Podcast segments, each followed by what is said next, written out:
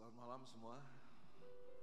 Waduh, kayaknya kaku banget ya hari ini. Uh, suasananya memang agak uh, beda sedikit ya. Uh, ya, tetap uh, semangat tentunya tetap uh, fokus sama Tuhan apa pun yang terjadi ya.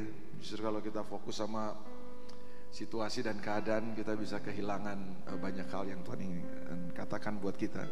Saya berharap saudara tetap uh, tetap fokus sama Tuhan, nggak kehilangan uh, apa pun yang Tuhan mau uh, kasih buat kita di tengah-tengah situasi yang uh, sungguh sangat menggoncangkan ini. Tapi sebenarnya kan uh, situasi saat ini Tuhan uh, Alkitab sudah ngomong buat kita sebenarnya. Uh, cuma kadang-kadang ya mungkin kita selama ini abai, kita nggak peduli. Tapi saya percaya bahwa goncangan-goncangan ini justru semakin akan menunjukkan kualitas kita sebenarnya Amin, saudara. Jadi saya sungguh sangat bersyukur malam hari ini uh, saya bisa ketemu dengan saudara-saudara ya, orang-orang yang punya kualitas saya nggak takut nih kayaknya nih keluar. Oke, okay, uh, eh, terima kasih uh, Brother Wigan yang sudah beri kesempatan ini kehormatan buat saya. Nah malam ini saya mau bahas kepada saudara uh, karena saya kasih uh, tema ya, dikasih topik untuk kita bahas hari ini yang diminta ke saya kita akan bicara masalah keluarga. Cuma kalau bicara keluarga itu kan uh, luas banget. Lalu kita akan persempit kepada eh, hal-hal uh, yang penting untuk kita bahas malam ini adalah bagaimana kita bisa menghasilkan keturunan ilahi. Nah itu yang kita akan konsentrasi tapi mungkin untuk membahas ini pun saya rasa kita butuh waktu panjang sebenarnya butuh waktu banyak dan dalam kesempatan malam ini saya pikir kita nggak bisa menyelesaikan semuanya.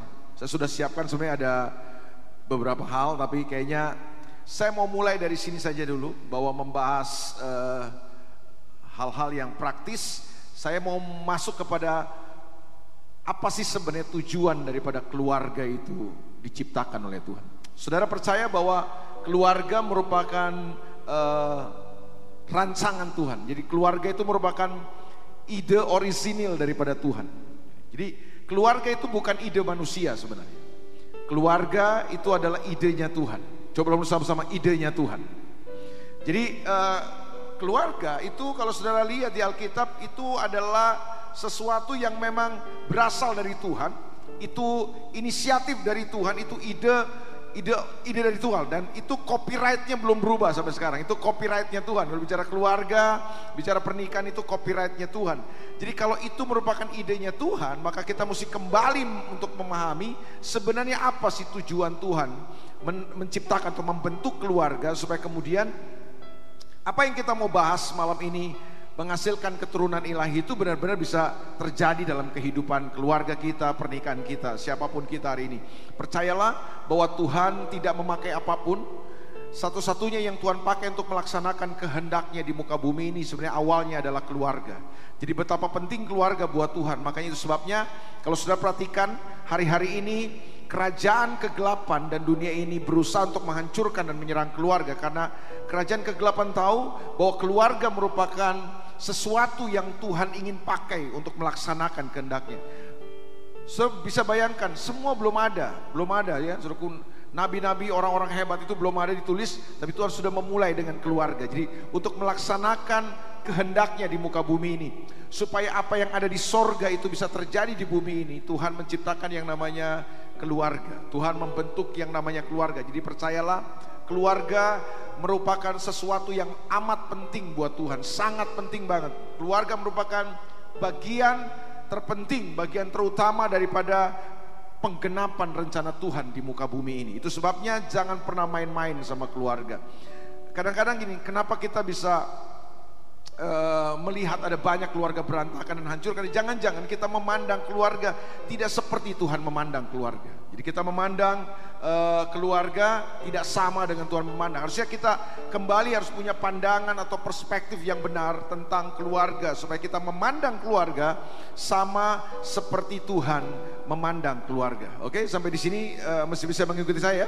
Nah, saya mau masuk malam ini kepada yang uh, sebagai awal adalah apa sebenarnya tujuan daripada Tuhan menciptakan keluarga atau membentuk keluarga? Tujuannya apa?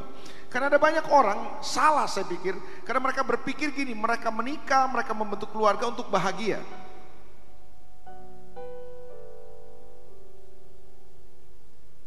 Saya ulang. Ya kan? Ada banyak orang berpikir bahwa kebahagiaan merupakan tujuan daripada keluarga. Ada nggak saudara yang punya pemahaman itu? Bahwa saya menikah, saya membentuk keluarga, tujuannya adalah kebahagiaan. Itu sebabnya ada banyak pernikahan nggak bahagia. Kenapa? Karena kita salah tujuan. Bertujuan keluarga dari sejak awal bukan kebahagiaan. Tuhan membentuk keluarga bukan untuk kebahagiaan. Tujuannya bukan itu. Buat saya gini, kebahagiaan itu cuma akibat. Kebahagiaan itu cuma dampak, bukan tujuannya. Baju saudara agak tegang ya. Bisa memahami sampai sini? Oke, okay, ya. Kenapa itu saya bilang kenapa banyak pernikahan dan keluarga tidak bahagia karena kita salah jangan-jangan menetapkan tujuan. Boleh saya beritahu kepada saudara bahwa ini yang penting.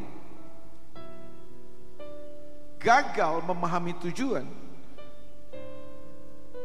itu telah membuat kita gagal untuk mengerti dan memahami tanggung jawab kita. Saya ulang sekali lagi. Gagal memahami tujuan akan membuat kita jadi orang-orang yang gagal bertanggung jawab. Kenapa ada banyak orang yang tidak bertanggung jawab dalam keluarga? Karena jangan-jangan dia salah atau dia gagal untuk menemukan sebenarnya tujuan apa sih keluarga itu. Nah, kegagalan kita memahami tujuan itu membuat kita akhirnya jadi orang-orang yang nggak pernah tahu apa sebenarnya fungsi dan tanggung jawab kita dalam keluarga. Karena kita berpikir Tujuan daripada keluarga adalah bahagia. Itu sebabnya yang terjadi akhirnya kita saling menuntut dalam keluarga, dalam pernikahan kita, supaya kemudian orang-orang itu atau pasangan kita harus membahagiakan saya karena saya menikah, saya membentuk keluarga untuk bahagia. Yang terjadi bahwa saya mau beritahu kepada saudara, tidak ada satu manusia pun yang bisa membahagiakan kita, tidak pernah ada. Setuju ya? Saudara mau menikah dengan orang yang paling ganteng, orang yang paling baik hati, orang yang paling kaya, orang yang paling banyak doi, tetap gak akan bahagia. Karena kebahagiaan kita bukan di situ sebenarnya. Betul nggak saudara? Jadi jangan taruh kebahagiaan sebagai pengejaran, jangan taruh kebahagiaan sebagai tujuan daripada pernikahan dan keluarga kita karena kita akan gagal di sana. Satu titik kita akan oh iya pasangan kita nggak bisa bahagia itu yang membuat akhirnya ada begitu banyak kehancuran dalam keluarga kita karena kita salah menetapkan tujuan. Nah saya mau masuk kepada poin saya, apa tujuan Tuhan buat keluarga? Apa tujuan Tuhan dari sejak awal? Apa original intention Tuhan waktu dia menciptakan keluarga? Saya mau tarik pemahaman saudara dulu kepada permulaannya. So kemudian kita tahu bahwa oh untuk ini toh Tuhan membentuk keluarga. Nah kita lihat satu ayat yang sangat powerful di Alkitab. Kejadian pasal yang pertama ayat yang ke-26. Kejadian pasal pertama. Saran saya saudara hafalkan ayat ini karena ini ayat yang sangat luar biasa. Semua ayat dalam firman Tuhan luar biasa.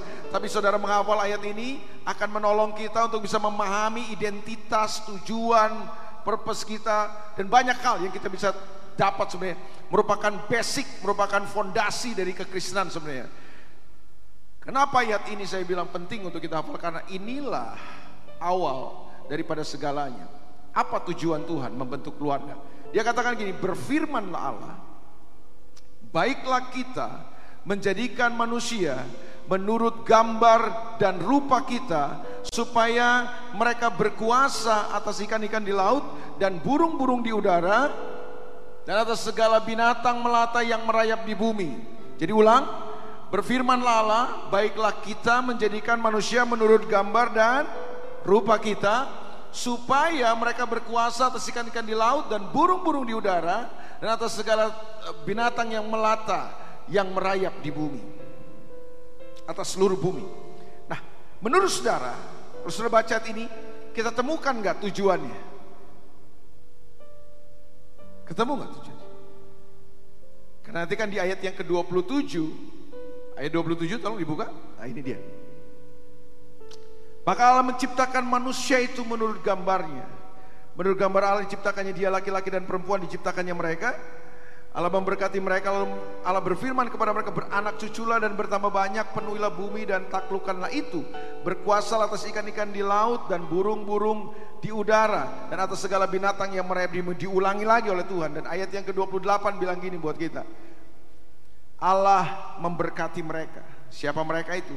Laki-laki dan perempuan ya Lalu Allah berfirman kepada mereka, beranak cuculah dan bertambah banyak, penuhilah bumi dan takluk karena itu berkuasalah atas ikan di dalam laut dan burung-burung di udara dan atas segala binatang yang merayap di bumi.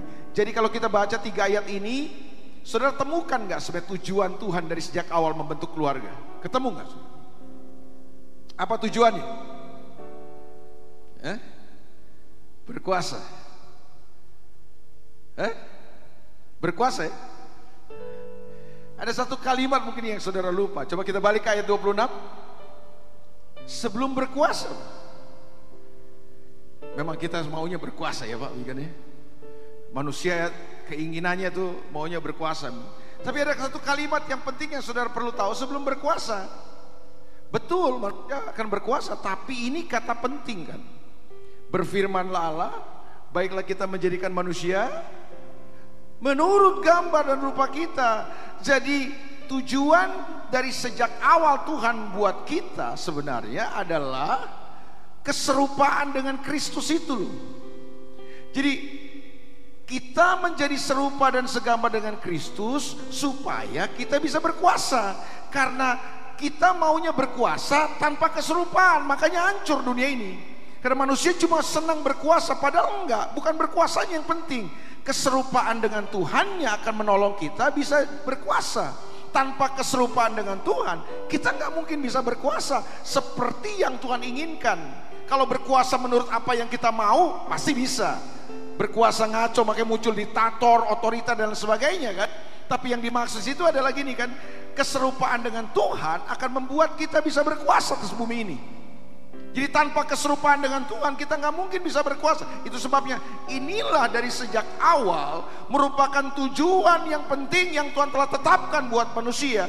Bahwa manusia diciptakan supaya manusia menjadi serupa dan segambar dengan Tuhan. Dan dalam keserupaan dengan Tuhan itu manusia bisa memerintah bumi ini. Manusia bisa berkuasa atas bumi ini. Perhatikan baik-baik. Tanpa keserupaan dengan Tuhan manusia tidak akan pernah berkuasa. Itu sebabnya waktu dosa masuk dalam hidup manusia, apa yang dirusak oleh, oleh dosa? Apa yang dirusak oleh dosa? Yang dirusak oleh dosa adalah keserupaan dengan Tuhan itu kan sebenarnya kualitas Tuhan itu yang rusak dalam hidup manusia. Itu sebabnya manusia tidak mahir untuk berkuasa lagi. Manusia salah berkuasa. Keinginan berkuasanya masih ada, tapi manusia menggunakan kekuasaan dengan cara yang salah. Kenapa? Karena sudah tidak segambar dan serupa dengan Tuhan. Nah, itu yang mau dikembalikan Tuhan kepada kita supaya kemudian saudara dan saya dalam kekal-kekalan nanti kalau saudara baca kitab Wahyu pasal yang ke-22. Multimedia walaupun ini tidak ada tadi saya kasih boleh Wahyu pasal 22 ayat yang kelima. Kalau kejadian pasal 1 itu pasal pertama dalam Alkitab, Wahyu pasal 22 itu pasal terakhir dalam Alkitab kita. Nah, dalam Alkitab Wahyu pasal 22 ayat yang kelima Tentu saudara saya nggak perlu jelaskan kepada saudara Wahyu pasal 21 Wahyu pasal 22 itu menceritakan tentang langit baru eh, Saudara udah kuasai lah itulah kan Apa? Il apa LB3 lah itu ya, saudara udah kuasai lah itu. Saya nggak akan ulang lagi pelajaran itu. Sudah tahu eh, kita akan selama lamanya di mana? Ya bukan di sorga kita akan selama lamanya. Kita akan selama lamanya di mana? Eh?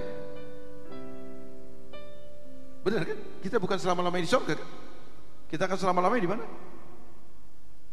Di langit baru, bumi baru. Belum tahu ya? Bahwa kita nggak akan selama-lamanya di sorga? Oh sudah nggak tahu ya?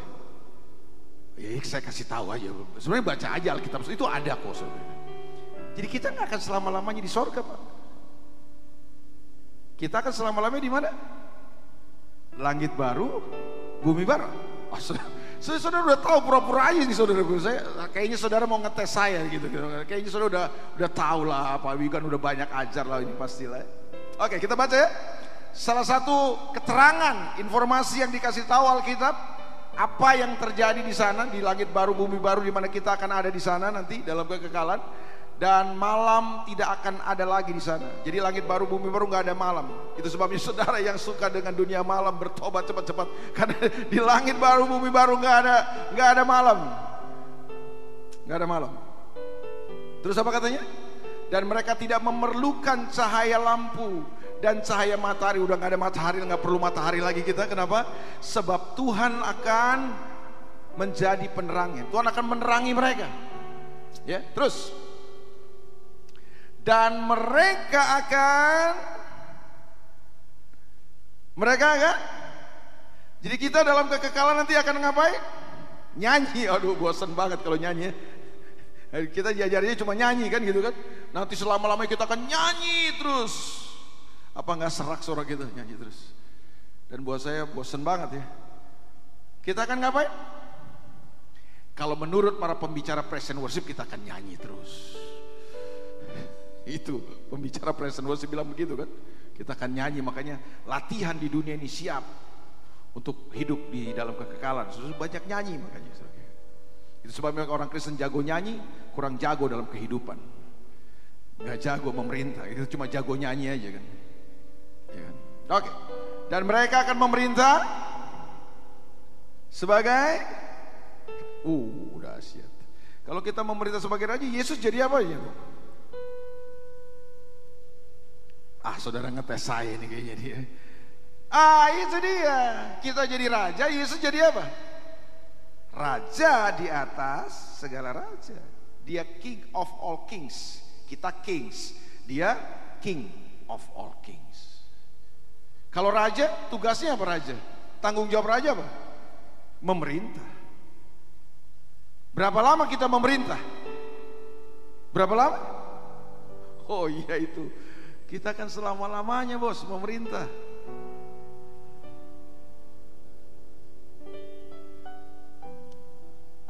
Kita akan selama-lamanya memerintah. Tadi saya sudah katakan di awal. Kita tidak akan pernah bisa memerintah tanpa keserupaan dengan Tuhan. Makanya serupa dengan Yesus, serupa dengan Tuhan, itu merupakan purpose kita harusnya. Bukan masuk sorga purpose kita. Tujuan penebusan kita itu bukan masuk sorga. Masuk sorga itu cuma akibat daripada kekristenan kita. Masuk sorga itu cuma akibat daripada penebusan yang kita terima dari Tuhan Yesus. Tapi tujuan intinya adalah Tujuan intinya apa?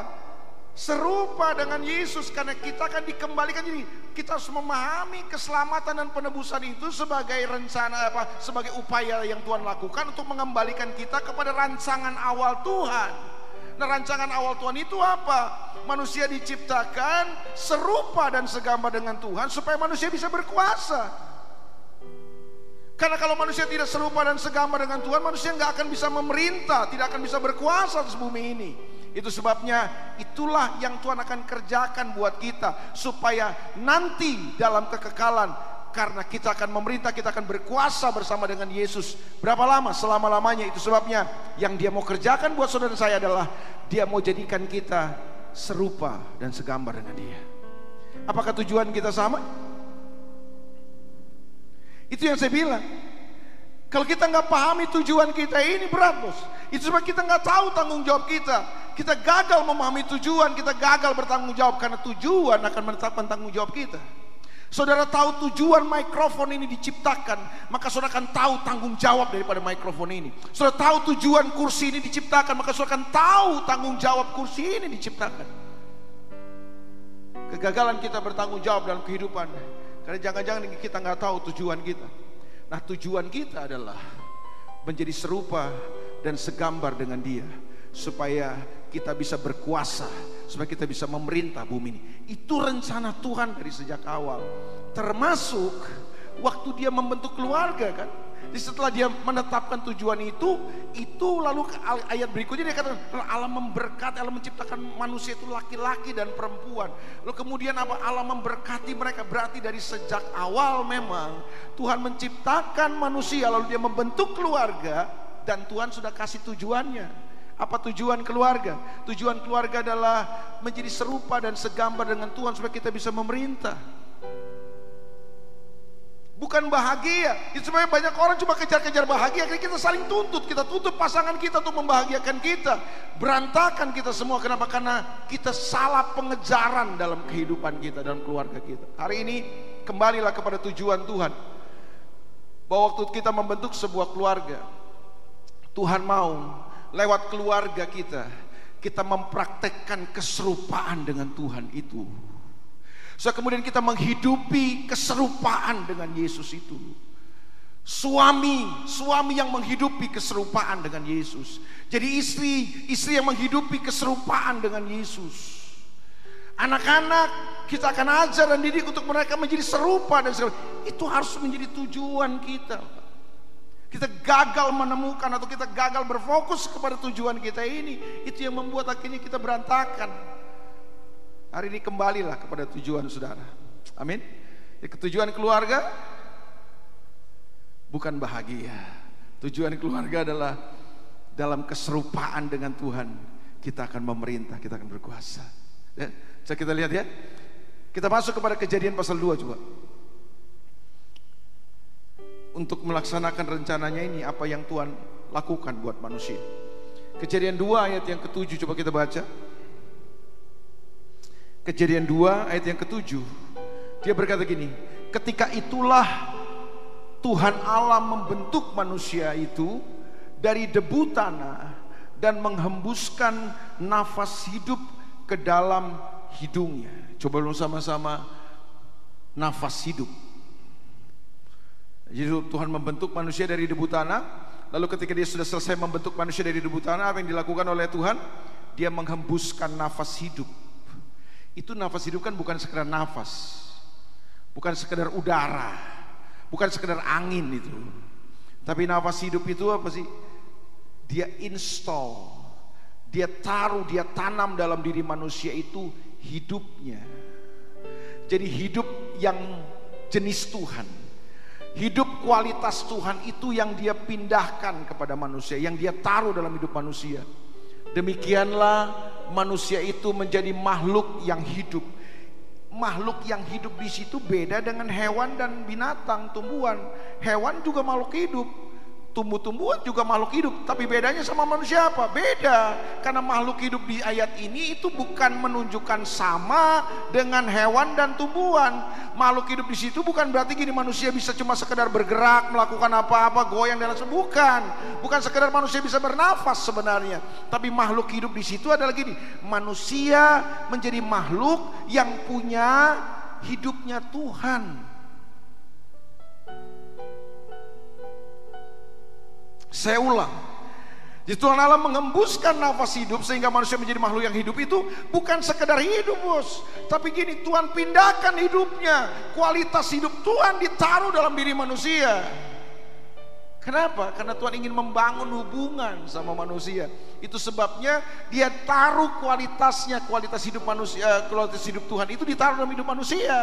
Karena itu yang bisa terjadi. Karena Tuhan nggak bisa membangun hubungan sama hewan, sama tumbuhan, nggak bisa. Walaupun mereka makhluk hidup, karena beda jenisnya kan. Karena di dalam tumbuhan dan hewan tidak ada kualitas Tuhan yang ditaruh.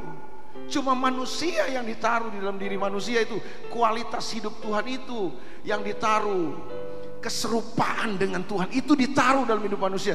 Kemuliaan Tuhan itu yang ditaruh dalam diri manusia supaya manusia kemudian bisa menghidupi gaya hidup Tuhan, bisa menghidupi karakter dan sifat Tuhan, bisa menghidupi kualitas Tuhan.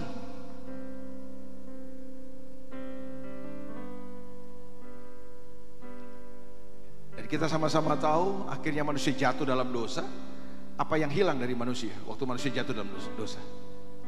Makanya Alkitab tidak pernah bilang gini manusia kehilangan sorga. Karena memang dari sejak awal Tuhan tidak pernah mendesain manusia untuk sorga. Tuhan mendesain manusia untuk bumi. Makanya waktu manusia jalan di atas bukan manusia kehilangan sorga. Manusia kehilangan apa? Kemuliaan. Manusia kehilangan kualitas Tuhan itu loh. Manusia kehilangan keserupaan dengan Tuhan itu. Manusia kehilangan kualitas hidup Tuhan itu. Nah itulah yang Yesus kembalikan waktu dia datang ke dalam dunia. Dia datang ke dalam dunia ini untuk apa sih? Yohanes 10 ayat 10 berkata apa? Pencuri datang hanya untuk mencuri, membunuh dan membinasakan tetapi aku datang kata Yesus untuk memberi kepadamu hidup dan supaya kamu mempunyai dalam kelimpahan. Tentu saudara tahu kata hidup di situ tidak dipakai kata uh, bios, tetapi dipakai kata soe itu. Kata soe itu artinya apa tuh? hidupnya Tuhan kan, hidup jenis Tuhan. Nah itu yang dia kembalikan. Nah kenapa dia taruh itu? Supaya kita bisa menghidupi tujuan-tujuan Tuhan yang telah dia tetapkan dalam kehidupan kita itu. Oke, kita balik kepada kejadian.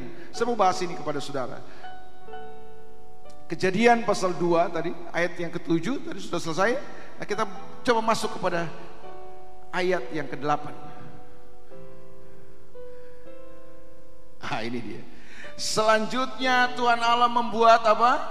taman di Eden di sebelah timur di situlah ditempatkan manusia yang dibentuknya jadi sudah lihat ini nih jadi bagaimana supaya kita bisa menghidupi rencana Tuhan?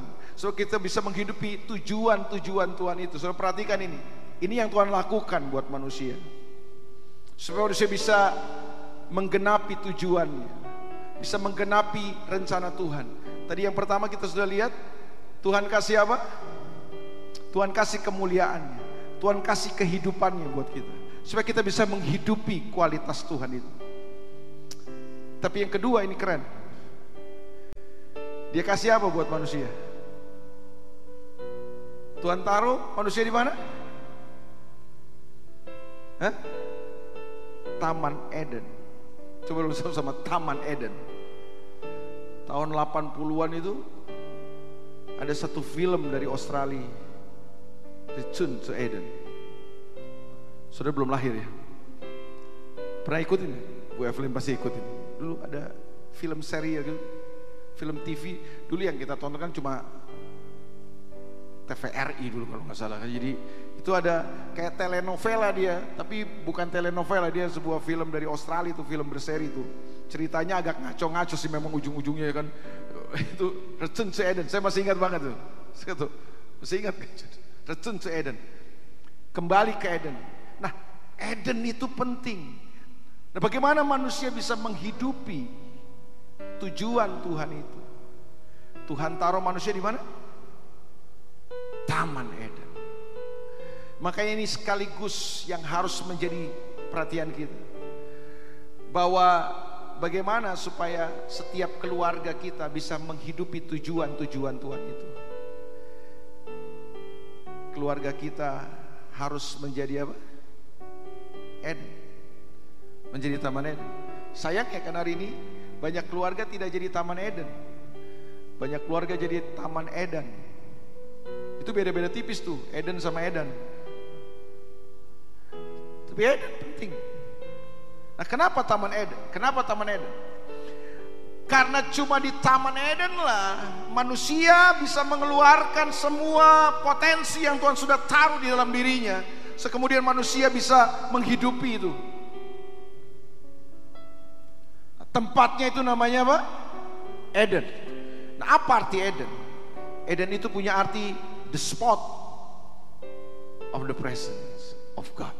Jadi gini, satu titik di dalam hadirat Tuhan itu itu Eden. Jadi di semua bumi, bumi ini kan luas. Nah, Tuhan taruh manusia di mana? Di Eden. Di Eden itu maksudnya apa sih? Tuhan taruh manusia di hadiratnya. Jadi bahasa Kristennya, bahasa Kristennya, bahasa Kristennya adalah tempat terbaik untuk saudara dan saya bisa menyatakan kualitas Tuhan. So kita bisa menggenapi tujuan-tujuan dan rencana Tuhan buat kita, buat keluarga kita. Tidak ada yang lain tempatnya namanya hadirat Tuhan. Jadi Eden itu bicara hadirat Tuhan itu. Makanya gini setiap keluarga yang tidak ada di hadirat Tuhan, percayalah kita akan gagal dalam upaya-upaya kita di sana. Cuma di dalam hadirat Tuhan kita bisa mengeluarkan semua potensi kita yang Tuhan sudah taruh. Cuma hadirat Tuhan. Nah sayangnya kita memahami hadirat Tuhan selama ini kan sangat agamawi kan. Kita berpikir bahwa hadirat Tuhan itu adalah suasananya. Kita bicara tentang atmosfer hadirat Tuhan itu selalu kita bicara tentang lagunya gitu kan. Kalau kayak gini nih kayaknya hadirat Tuhan ada nih. Ada lagu rohani yang dialunkan dengan menggunakan keyboard suara piano. Mungkin tambah string, lebih keren lagi. So, wih gua rasa hadirat Tuhan ya. Jadi hadirat Tuhan kita rasa-rasa gitu kan. Padahal hadirat Tuhan bukan untuk dirasa. Hadirat Tuhan untuk dihidupi dan dinyatakan di luar. Persoalan terbanyak kesalahan pengajaran gereja hari ini adalah kita coba rasa-rasa hadirat Tuhan. Padahal hadirat Tuhan tidak bisa dirasa. Hadirat cuma perlu didekati dengan iman kita. Betul ya saudara? Kita punya pemahaman tentang hadirat Tuhan itu, wih, tadi kuat banget ya hadirat Tuhannya. Gua ngerasain bulu kuduk gua merinding. Ya kan? Gitu kan? Kita sangat agamawi untuk bicara hadirat Tuhan. Saya ingin pastikan saudara jalan jam 2 pagi di kuburan juga merinding. Saudara. Sudah masuk ke rumah sakit di kamar mayat juga sudah bisa merinding-merinding. Apakah itu hadirat Tuhan? Kan bukan juga kan. Jadi apa hadirat Tuhan itu? Ah itu deh. Itu saya bilang satu tempat di hadapan Tuhan. Nah, pertanyaan saya sekarang, kalau saudara membaca perjanjian baru, hadirat Tuhan ada di mana? Nah, kalau saudara baca perjanjian baru nih, menurut saudara hadirat Tuhan itu ada di mana? Di gedung ini kah? Di tempat yang namanya gereja kah hadirat Tuhan? Hadirat Tuhan di mana? Menurut, menurut saudara? Ada kasih pendapat? Ada di mana hadirat Tuhan? Menurut perjanjian baru yang hebat, makanya saya senang jadi umat kerajaan Allah di perjanjian baru. Kenapa? Karena ada perjanjian baru mengajarkan hadirat Tuhan bukan ada di satu tempat lagi. Hadirat Tuhan itu ada di dalam diri saya. Christ in you, the hope of glory. Itu merupakan sentralitas berita perjanjian baru. Di samping Yesus Kristus telah mati dan dibangkitkan buat kita. Isu sentral perjanjian baru kan Yesus mati dan dibangkitkan buat kita. Dan dia berdiam di dalam hidup kita. Ada nggak agama yang mengajarkan itu? Saya rasa nggak ada agama yang mengajarkan itu di dalam dunia ini. Itu sebabnya hari ini saudaraku yang saya mau beritahu kepada saudara Hadirat Tuhan ada di mana? Hadirat Tuhan tidak ada di mana-mana. Hadirat Tuhan itu ada di dalam diri kita. Dan setiap orang yang percaya kepada Yesus, bahwa di dalam dirinya ada Yesus. Berapa banyak sudah percaya dalam diri saudara Yesus? Amin. Kalau Yesus ada di dalam saudara, hadiratnya ada di mana? Ada di dalam saudara berarti. Jadi kita nggak perlu cari-cari lagi hadirat Tuhan sebenarnya. Itu cara pemahaman agamawi yang selama ini kita aja. Kita mesti cari hadirat Tuhan, ya kan suasananya, tempatnya bukan. Hadirat Tuhan menurut perjanjian baru itu ada di dalam kita. Sayangnya itu yang saya bilang kita nggak pernah tahu ini, kita nggak pernah sadar ini. Yang terbanyak akhirnya kita nggak pernah bangun kesadaran bahwa Tuhan ada dalam kita. Yang kita bangun kesadarannya adalah gini, Tuhan ada di luar kita. Atau Tuhan ada di satu tempat supaya kita perlu cari tempat itu baru kita bisa merasakan hadirat Tuhan. Enggak dong, Tuhan enggak ada di mana-mana. Tuhan ada di dalam saya. Berarti hadiratnya ada di dalam saya. Kapan aja saya punya kesadaran, kapan aja saya terkoneksi dengan Tuhan yang ada dalam saya, saya ada di hadirat Tuhan. Amin. Nah, hadirat Tuhan itulah yang mesti ada di dalam keluarga kita. Itu yang saya bilang, keluarga kita tidak akan menggenapi rencana Tuhan, tujuan Tuhan yang mulia buat kita. Kalau kita nggak pernah hidup di hadirat Tuhan itu, itu sebabnya para ayah, para ibu, para suami, para istri, hiduplah di hadirat Tuhan. Hidup di hadirat Tuhan. Nyatakan hadirat Tuhan di tengah-tengah keluarga saudara. Karena hadirat Tuhan itu ada di dalam saudara. Cuma di hadirat Tuhan itulah saudara dan saya bisa mengeluarkan semua potensi terbaik yang Tuhan telah taruh dalam diri kita kan. Bahwa ada kemuliaan Tuhan, ada keserupaan dengan Tuhan yang telah dia taruh dalam diri kita. Nah kita hidupi itu, waktu kita hidupi itu, kita sedang menghadirkan hadirat Tuhan di tengah-tengah keluarga kita. Waktu seorang suami, waktu seorang ayah, waktu seorang ibu, seorang istri menyatakan Kristus yang tinggal di dalam dirinya, sifat Kristus, karakter Kristus, kita nyatakan di tengah-tengah kehidupan keluarga kita, kita sedang menyatakan hadirat Tuhan di sana. Pertanyaan penting untuk kita hari ini. Adakah hadirat Tuhan di keluarga saudara? Karena cuma di hadirat Tuhan, cuma hadirat Tuhan yang bisa mengeluarkan semua potensi terbaik kita yang Tuhan telah taruh. Sayangnya gini, kita cuma pikir hadirat Tuhan cuma ada di gedung gereja. Hadirat Tuhan cuma ada ketika kita kebaktian dua jam di hari Minggu. Tidak, hadirat Tuhan itu ada di dalam saudara sebenarnya. Amin. Karena Kristusnya ada dalam saudara. Waktu saudara menghidupi Kristus yang ada dalam saudara dan saudara menyatakan Kristus kualitasnya, sifatnya, karakternya, gaya hidupnya lewat hidup saudara. Saudara sedang menyatakan hadirat Tuhan. Hadirat apa yang saudara nyatakan di keluarga saudara? Sebagai anak-anak kita bisa melihatnya. Anak-anak kita bisa merasakannya. Amin. Ini yang paling penting. Coba kita lihat ya ayat berikutnya nih.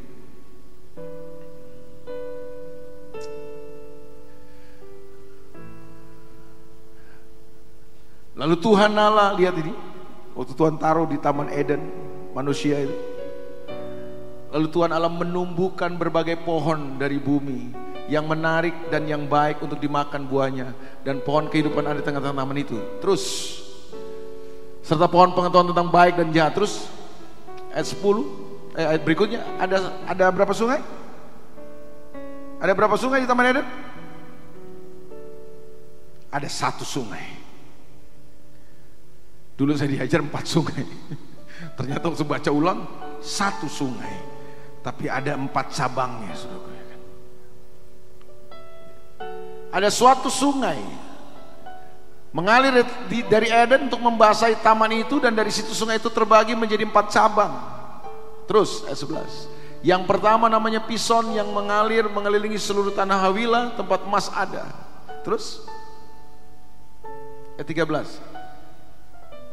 Dan emas dari negeri itu baik.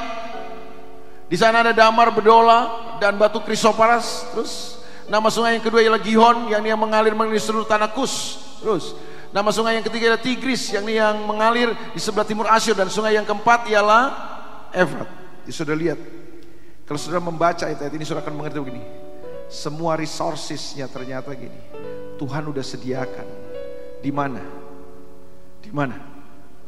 Di Eden.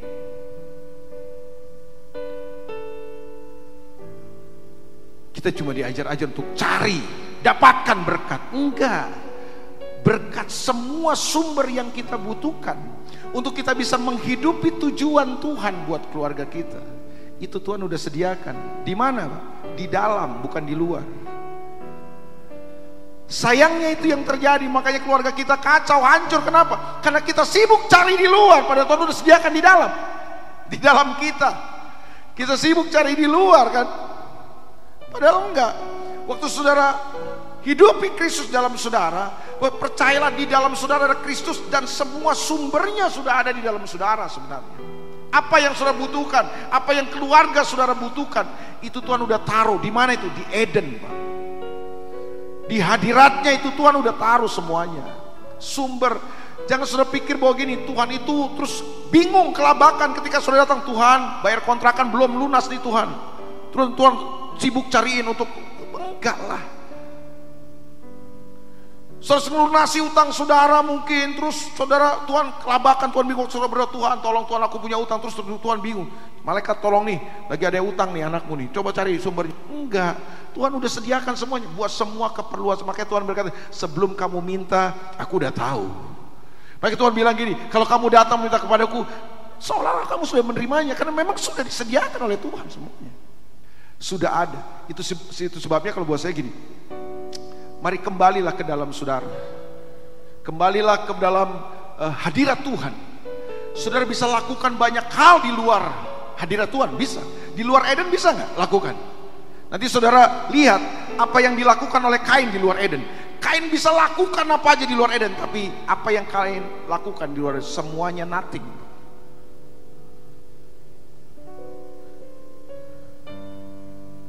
Makanya waktu manusia jatuh dalam dosa,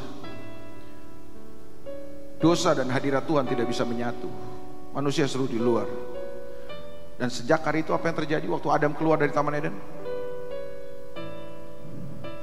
Manusia perlu bekerja keras. Tanah menjadi sulit. Boleh saya beritahu? Tuhan suruh kita bekerja. Tuhan gak mau kita males. Tapi kalau saudara bekerja di luar Taman Eden, Saudara perlu bekerja keras. Dan tanah tidak akan pernah menghasilkan yang terbaik lagi buat saudara. Tapi kalau saudara bekerja di hadirat Tuhan, semua yang terbaik Tuhan sebenarnya sudah siapkan buat kita. Amin. Pastikan hari ini di keluarga kita yang ada cuma hadirat Tuhan. Para suami, bekerjalah di hadirat Tuhan. Para istri, bekerjalah di hadirat Tuhan. Semua apa yang kita lakukan semua di hadirat Tuhan. Di situ sebenarnya Tuhan sudah siapkan semua yang kita perlukan, yang kita butuhkan semua. Jadi buat saya, makanya saya bilang dari awal, Tuhan itu memandang keluarga sangat luar biasa. Tuhan sudah sediakan semua karena melalui keluarga inilah Tuhan mau laksanakan rencananya. Masa Tuhan mau kita menggenapi rencananya dia nggak sediakan si sumber-sumbernya, nggak mungkin. Tuhan sudah sediakan semua sumber kita. Amin. Supaya kita bisa menggenapi rencananya.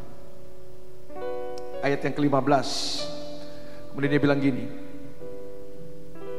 Tuhan Allah mengambil manusia itu dan apa? Menempatkannya dalam taman Eden untuk mengusahakan. Coba sama-sama mengusahakan untuk apa?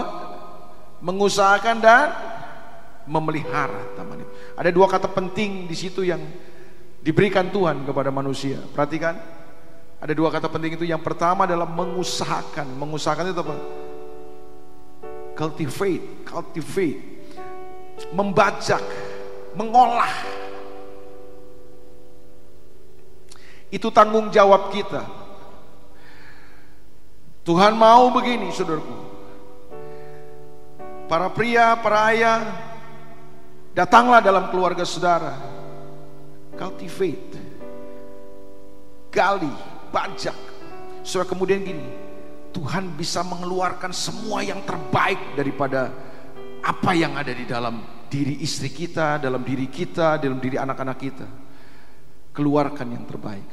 Itu merupakan tanggung jawab besar dari kita. Itu tanggung jawab Tuhan kasih kepada kita. Untuk apa? Mengeluarkan semua yang terbaik dari keluarga kita. Amin.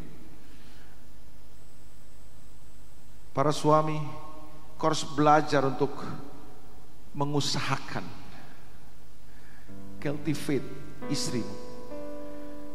Kemampuan-kemampuannya, potensinya. Setuju nggak bapak-bapak? Bahwa istri kita kita nikahi bukan sekedar untuk jadi tukang masak buat kita.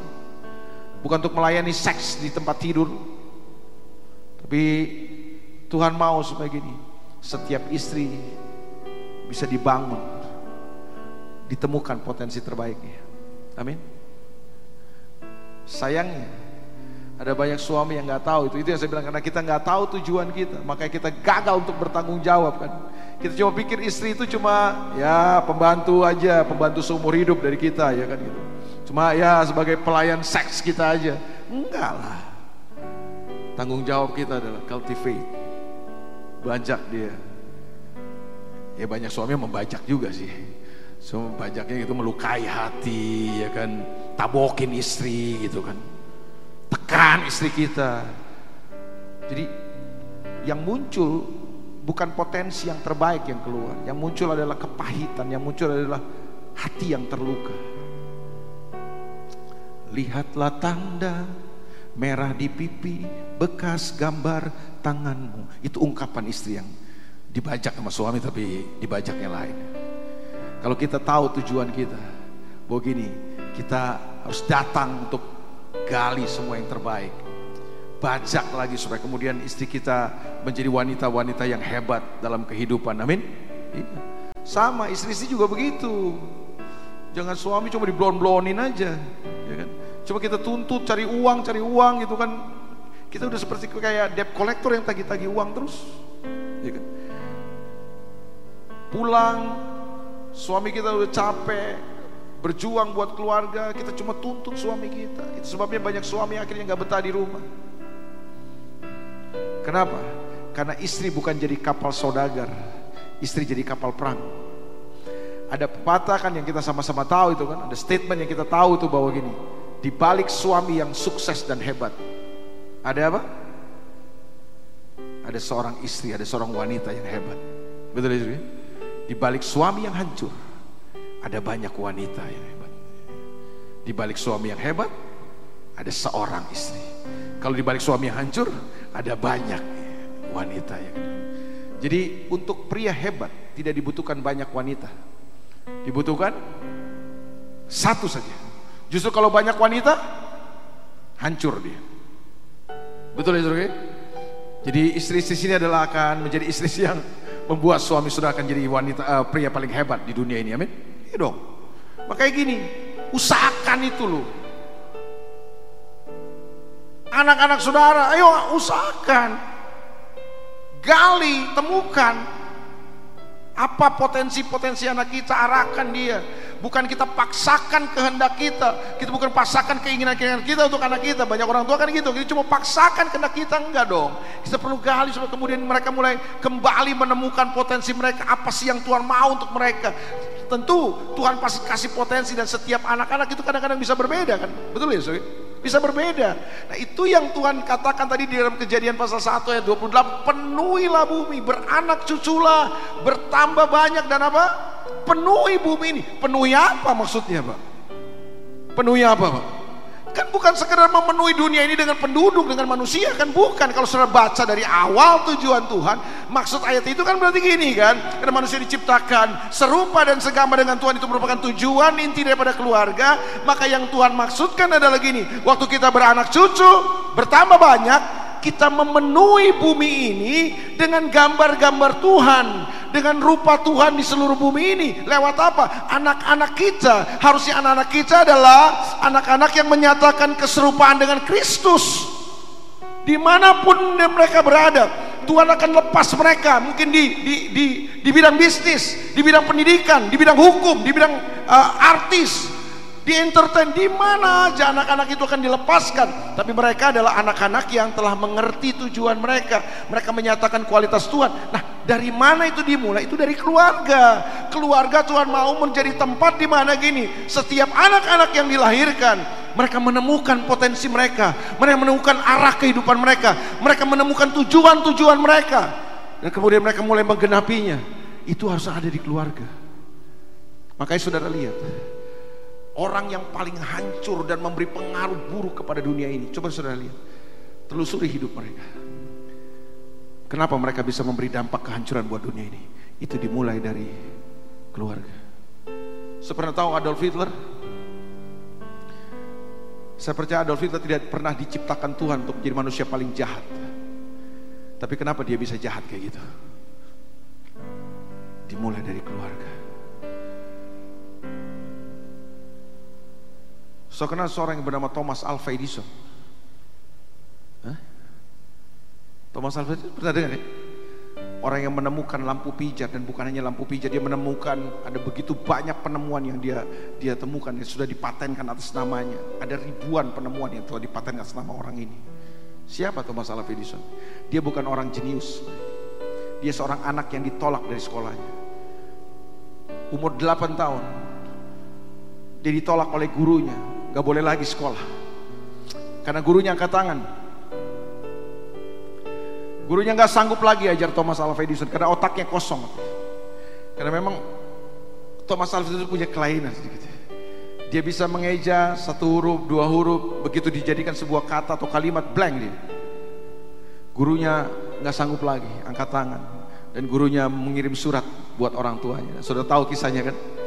Anak ini pulang dengan membawa surat dari gurunya, senang banget ya. Dikasih ke mamanya yang terima. Waktu mamanya buka, baca surat itu, sudah tahu? Kalau ibu yang lain mungkin telah menangis. mungkin marah-marah, baper mungkin. Tapi hebat dengan ibunya Thomas Alva Edison. Waktu dia baca, dia cuma elus kepala anaknya dan dia berkata gini, nak, sekolah tempatmu belajar itu bukan tempat yang tepat untuk kamu karena kamu seorang anak yang hebat. Sekolah kamu bukan tempatnya. Dan mulai besok ibu yang akan mengajarimu nak. Umur 10 tahun Thomas Alva itu harus bantu orang tua jualan dagangan ya, jualan asongan di stasiun kereta dan ketahuan oleh seorang sipir stasiun kereta dia dikejar-kejar dapat. Karena masih kecil 10 tahun dia dikejar sama orang dewasa ya pasti dapat lah. Ditabuk dia karena dia jual sembarangan di stasiun. Sudah tahu akibat tamparan itu karena tangan orang itu terlalu keras. Kencang tamparannya so. itu gendang telinganya pecah. Dan sejak hari itu dia mengalami kesulitan untuk mendengar sebelah. Jadi sudah bisa bayangkan seorang anak yang ditolak dari sekolahnya gurunya nggak sanggup ajar. Jadi dia udah nggak sekolah sebenarnya Umur 10 tahun dia budek sebelah. Tapi kenapa dia bisa muncul jadi orang hebat di dunia ini? Itu dimulai dari mana? Dari keluarga. Keluarga harus jadi tempat di mana kita menemukan semua potensi kita. Amin. Ketemu dengan banyak orang tua hari ini cuma keluarin apa, kirim anaknya sekolah di luar negeri, tapi kita nggak pernah kasih arah buat dia. Itu sebabnya kayak gini. Muncul anak-anak yang keturunan-keturunan yang bukan keturunan ilahi. Jadi mereka gagal untuk menemukan apa tujuan Tuhan buat mereka. Mereka cuma dikirim keluar tanpa arah. Ada orang-orang tua yang abai dengan yang kayak gitu sehingga yang terjadi kita ketemu kan. Ada orang-orang yang sekolah teologi ya jualan handphone. Nggak nyambung. Kita habiskan waktu banyak tuh sekolah teologi dagang handphone gitu. Untuk dagang handphone nggak usah sekolah teologi ya sudah. Karena dari sejak awal jangan-jangan karena gini. Di keluarga mereka nggak ada orang nggak menemukan anak-anak itu nggak menemukan gitu. orang-orang yang menggali mereka, menemukan potensi mereka, arahkan mereka, kasih tahu buat mereka arah hidup ini. Usahakanlah, amin. Usahakan. Yang kedua, apa katanya? Memelihara, to maintenance. Dengan apa saudara pelihara? Anak-anak saudara. Makanan bergizi, bagus. Sekolah yang bagus, sekolah yang keren, bagus juga, nggak apa, nggak ada salahnya. Tapi ini kan kemudian muncul. Coba kita baca berikutnya. Kejadian pasal 2 Tadi ayat, terus? Ah ini dia. Ayat 16 Lalu Tuhan Allah memberi perintah ini kepada manusia. Semua pohon dalam taman ini Boleh kau makan buahnya dengan bebas. Tetapi pohon pengetahuan tentang baik dan jahat itu Janganlah kau makan buahnya Sebab pada hari kau memakannya Pastilah kau mati. Tuhan kasih firman Tuhan. Dengan apa kita memelihara Kita maintain keluarga kita, anak-anak kita? Dengan firman Tuhan Tuhan mau ada firman yang kita perkatakan dalam keluarga kita. Mari hari ini sebagai ayah, sebagai ibu perkatakan firman Tuhan. Perkatakan firman Tuhan. Karena waktu sudah perkatakan firman Tuhan, firman Tuhan punya kuasa yang sangat dahsyat. Amin. Sudah percaya firman Tuhan punya kuasa yang dahsyat? Perkatakan firman. Katakan firman Tuhan buat istrimu, para suami. Katakan firman Tuhan buat suamimu, para istri. Katakan firman Tuhan buat anak-anakmu, orang tua. Katakan. Jangan cuma sekedar kasih sekolah yang mahal, kasih makanan yang enak. Bagus semua itu, tapi itu nggak cukup untuk anak-anak kita akhirnya menjadi keturunan ilahi yang menggenapi rencana Tuhan. Nggak cukup. Kau perlu mengusahakannya, tapi yang kedua, kau perlu memeliharanya. Pelihara mereka dengan firman Tuhan. Amin. Pelihara mereka dengan firman Tuhan. Ajarin mereka bagaimana caranya mereka ketemu Tuhan. Ajarin mereka bagaimana caranya mereka mendengar Tuhan. Ajarin mereka untuk mereka hidup dalam firman Tuhan. Nggak gampang sih, nggak gampang. Saya akui nggak gampang. Ngomong, kasih tahu sama mereka mudah. Tapi buat saya, bagaimana firman Tuhan itu bisa merasuk menjadi sebuah kehidupan dalam hidup mereka, menjadi nilai-nilai dalam kehidupan mereka nggak gampang. Itu butuh keteladanan. Saya saya baru mengerti bahwa memang begini, anak-anak tidak selalu mendengarkan apa yang kita katakan, tapi mereka melihat apa yang mereka mengikuti apa yang kita lakukan. Betul ya, saudara? Saya pernah suruh anak saya, saya lihat anak saya waktu dia mau mandi, dia pulang dari mana gitu main, dia mau saya suruh mandi dia, terus dia buka baju, suruh dia buka celana, dia main taruh di depan pintu kamar mandi. Saya bilang sama dia gini, eh nak sini nak, itu bukan tempat bajunya di situ Tempat baju bukan di situ. Di mana, Pak? Saya tunjukin tempatnya. Dia bawa, dia ambil, dia bawa. Nah, berapa kemudian saya ketemu lagi dia melakukan yang sama. Saya ngomong lagi. Di situ bukan tempatnya. Itu tempatnya. Nada saya mulai tinggi, Pak. Tapi sudah tahu nggak? Saya kaget. Saya dengar sebuah jawaban yang sangat mengagetkan saya. Dia bilang gini, Papa juga begitu. Uh, itu yang membuat saya bertobat sejak itu. Sudah tahu? Satu kali saya ingat sekali, oh iya. Dia ada di kamar saya pas saya mau mandi, saya buru-buru waktu itu saya buka baju, saya cuma taruh baju saya di depan pintu kamar mandi. Saya langsung masuk ke kamar mandi, saya mandi. Anak saya pas ada di dalam kamar saya. Saya baru sudah tahu wajah saya waktu anak saya ngomong gitu. Wajah saya sangat, waduh malu banget saya. Iya, papa salah waktu itu sih. Maafkan papa, papa salah. Tapi papa udah nggak bikin lagi sih. Kamu sekarang tunjuk. Saya baru mengerti bahwa gini, anak-anak tidak selalu mendengarkan kita, tapi dia melihat, dia mengikuti apa yang kita katakan. Tidak mudah, tapi percaya saudara nggak akan bisa pelihara anak-anak saudara hanya dengan uang, dengan fasilitas. Saudara perlu pelihara anak-anak kita dengan firman Tuhan, supaya kemudian anak-anak ini bisa menggenapi rencana Tuhan. Kita bisa menghasilkan keturunan-keturunan ilahi. Satu hal, saya mau uh, kasih kesaksian ini, nggak gampang sih. Saya punya tiga anak. Ini kisah tentang anak saya yang kedua. Anak saya yang kedua ini waktu itu sudah karena jarak kedua sama ketiga itu jauh sekali. Anak saya yang kedua, ketiga itu sekarang masih lima tahun umurnya. Nah anak saya yang kedua ini satu kali gini, dia kepengen beli sepeda, suruh. Dia kepengen beli sepeda. Dia kepengen punya sepeda maksudnya. Karena dia main sama teman-temannya di kompleks itu saudaraku, cuma dia yang belum punya sepeda. Itu sebabnya dia merengek sama saya, Pak, beli sepeda dong Pak. Sudah lihat saya baik-baik. Apakah saya seorang ayah yang tidak mampu belikan sepeda buat anak saya? Coba lihat dulu tampang saya. Jangan mengecilkan saya. Kalau cuma sepeda saya bisa beli. Percaya sudah bisa bisa beli. Waktu itu saya bilang gini, nak, kamu mesti berdoa, nak. Minta sama Tuhan. Kalau kamu minta sama Tuhan, pasti Tuhan berikan. Pasti Tuhan berikan. Saya mau mengajarkan iman kepada saya. Saya mau gini, anak saya nggak bergantung sama saya. Saya mau anak saya belajar bergantung sama Tuhan. Supaya dia dari sejak kecil dia tahu bahwa gini sumber berkat dia bukan bapaknya. Sumber berkat dia adalah Tuhan. Tuhan memberkati saya, saya bisa kasih dia. Gitu. Itu saya mengajar begitu, saudaraku. Nggak gampang itu yang saya bilang, tidak mudah. Udah sebulan, belum juga datang sepeda, saudaraku. Dia kemudian tanya lagi sama saya, Pak, Mana sepeda? Berdoa nak. Dia bilang sudah berdoa pak. Berdoa lagi sama Tuhan, berdoa lagi nak. Ya dia berdoa lagi. Saya dengar dalam doa-doa kita selalu dia bilang, Tuhan, Jesse mau sepeda Tuhan, tolong Tuhan. Jesse minta sepeda. Juga dalam doa-doa saya saya sampaikan Tuhan, Jesse mau sepeda, memiliki sebuah sepeda. Tuhan tolong dia, kasih sepeda Jesse seajar anak saya tidak mudah. Sampai satu hari itu udah kurang lebih empat apa lima bulan sudah kan? Saya pulang sore-sore itu suruhku saya pulang mau masuk mobil ke garasi suruhku saya lihat anak saya sedang ada di jalan sedang main sama temennya rebutan sepeda.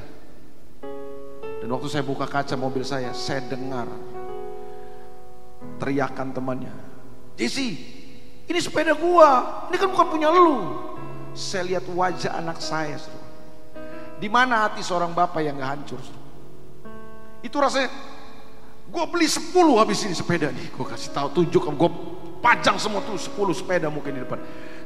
Rasanya suruh waduh saya terpukul, tapi saya ingat, saya sedang mau menanamkan sesuatu buat anak saya. Saya mau ajar anak saya untuk berharap sama Tuhan. Saya turun dari mobil, saya samperin dia, saya bilang, ayo Jesse masuk. Saya nggak apa-apa itu punya itu punya dia. Nggak apa-apa dia punya kan dia minta nggak apa-apa. Kamu nggak usah celat yuk. Kamu udah berdoa belum? Udah pak udah doa. Tapi ini yang luar biasa ini yang saya mau cerita sama saudara. Beberapa hari kemudian di rumah saya itu kedatangan mertua. Saya kedatangan mertua. Mertua saya waktu tinggal di Manado. Di seorang guru di sebuah, sebuah sekolah uh, negeri SMP nah waktu itu ada acara apa gitu? Teman-teman mertua saya itu ikut. Jadi ada rombongan, mereka ada 6-7 orang kalau nggak salah. Nah mereka menginap di rumah saya, saudara. Mereka nginap di rumah saya, ya sebenarnya tidak besar tapi mereka mau aja di rumah saya. Saya bilang ya kalau mau terima apa adanya nggak apa-apa. Jadi enam orang, tujuh orang itu mereka ada di rumah saya. Kita layani selama mereka ada di Jakarta. Waktu itu saya sama istri ada waktu saya antar mereka ke departemen pendidikan di Sudirman itu saya antar mereka untuk urus-urus surat apa segala macam. Lalu mereka ada waktu untuk mereka mau jalan-jalan, saya antar. Saya ingat sekali saya antar ke mana sama istri saya. Saya antar. Nah ketika mereka mau pulang, ketika mau pulang, mereka kemudian bisik-bisik, mereka diskusi satu dengan yang lain, terus sampaikan kepada mertua saya, dia bilang, kita mau memberkati pendeta. Mereka bilang kan pendeta, kalau orang Manado bilang pendeta ya kan gitu kan. Kita mau memberkati Pak Pendeta katanya. Ibu mertua saya bilang, nggak usah. Ah nggak enak kita so, uh, orang so tinggal di sini. Uh, pendeta so ajak-ajak kita jalan antar-antar kita ke mana-mana. Masa kita pulang begitu aja? Mereka bilang kita kumpul-kumpul duit mau berkati saya gitu katanya. Mereka mau kumpul-kumpul duit mau berkati saya gitu maksudnya. Tapi mertua saya bilang, nggak usah, nggak perlu. Anak saya tuh, ah udah nggak usah lah katanya. Mereka senang kok untuk melayani gitu. Akhirnya begini, mertua saya bilang gini, oh gini aja. Kalau kalian mau paksa, mau kasih, jangan ke Pak Pendeta. Anaknya itu mau sepeda, katanya. Saya nggak tahu, so. cerita itu saya nggak tahu, so. karena itu cerita di belakang saya antara mertua saya dengan teman-temannya. Dan saudara tahu apa yang terjadi? Akhirnya mereka sepakat, mereka kumpul duit itu dan belikan saya anak saya sepeda. Waktu dia terima sepeda itu, saudara tahu nggak? Dia senang banget. Saya hampiri dia bilang Jesse, kamu lihat kan, kalau kamu berdoa sama Tuhan, Tuhan bisa kasih buat kamu. Bukan papa yang kasih, Tuhan yang bisa kasih. Wah anak saya senang. Sejak hari itu saudaraku kalau ada apa pun dia berdoa. Dan saya sudah melihat ada begitu banyak mujizat Tuhan yang dinyatakan dalam kehidupan anak saya ini. Dia mau masuk sekolah, mau masuk apa saya dan doa dan saya melihat luar biasa. Saya cuma mau beritahu sama saudara tidak mudah. Saya harus menahan hati saya. Kadang-kadang gini saya merasa nggak tega sama anak saya. Saya mesti menekan. Itu yang saya bilang gini. Karena saya mau gitu, anak saya belajar dari sejak kecil untuk mereka punya hubungan, punya punya ketergantungan sama Tuhan. Karena saya tahu gini, saya nggak bisa meninggalkan harta buat mereka. Yang saya bisa tinggalkan buat sebuah legacy hidup yang bergantung sama Tuhan. Dan waktu kamu bergantung sama Tuhan, kamu gak akan pernah ditinggalkan. Buat saya itu sesuatu yang mahal. Itu sesuatu yang mahal. Itu saya bilang itu nggak mudah, tapi percayalah itu yang Tuhan mau tinggalkan buat anak-anak kita supaya kemudian gini, yang kita hasilkan bukan sekedar anak-anak yang pinter, tapi yang kita hasilkan adalah keturunan ilahi yang akan menggenapi rencana Tuhan. Amin. Saya pakai bilang sama anak-anak dari sejak kecil saya udah gini, Papa senang kalau kamu sukses. Papa senang. Siapa sih orang tua yang nggak senang kalau anaknya sukses? Saya, saya bilang ini, Papa senang. Saya antar mereka ke sekolah, saya, saya kasih tahu sama mereka dalam perjalanan itu. Saya bilang berulang kali saya sampaikan, Papa senang kalau kamu juara kelas. Papa senang kalau kamu sukses. Satu saat Papa akan senang kalau kamu punya banyak uang. Jadi orang yang punya banyak uang. Papa senang. Tapi Papa belum bangga. Mereka kaget. Loh, kok Papa nggak bangga sih? Iya, Papa cuma senang. Papa bangga kalau kalian bisa menggenapi kehendak Tuhan dan rencana Tuhan. Kalau Papa lihat kalian punya kualitas karakter seperti Kristus, itulah kebanggaan Papa. Saya sudah tanamkan pada anak saya.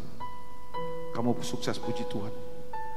Tapi lebih daripada kamu sukses, Papa senang kalau kamu bisa menggenapi rencana Tuhan. Saudara, kalau kita ngerti tujuan Tuhan,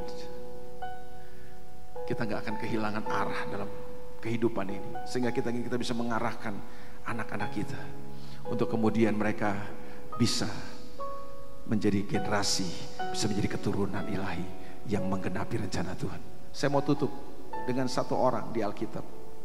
Boleh nggak ditutup? Boleh. Boleh ditutup ya begini. Boleh ya. Sudah pernah dengar seorang yang bernama Absalom? Absalom. Pernah dengar? Pernah baca? Enggak pernah ya. Dengar? Pernah. Absalom di Alkitab dicatat sebagai seorang yang luar biasa keren banget. Saking kerennya ini orang, saking gantengnya ini orang, bahasa Alkitab untuk menggambarkan kegantengan dan kekerennya adalah cantik. Sudah baca Alkitab? So cari ayatnya sudah ketemu, itu Alkitab bilang gini, tidak ada di Israel orang yang secantik Absalom, saking gantengnya kayak Korea-Korea itu kan sekarang cantik kan gitu kan. Itu saking gantengnya nih Absalom karena gak ada orang yang paling ganteng di Israel Absalom. Dia seorang yang punya karisma luar. Kenapa saya berani bilang Absalom seorang yang punya karisma? Karena sudah lihat gini sebagian besar orang Israel sudah tahu Daud kan? Daud itu seorang raja yang fenomenal kan seorang raja yang terkenal kan Tapi Sa Absalom bisa menarik perhatian sebagian besar rakyat Israel dan meninggalkan Daud.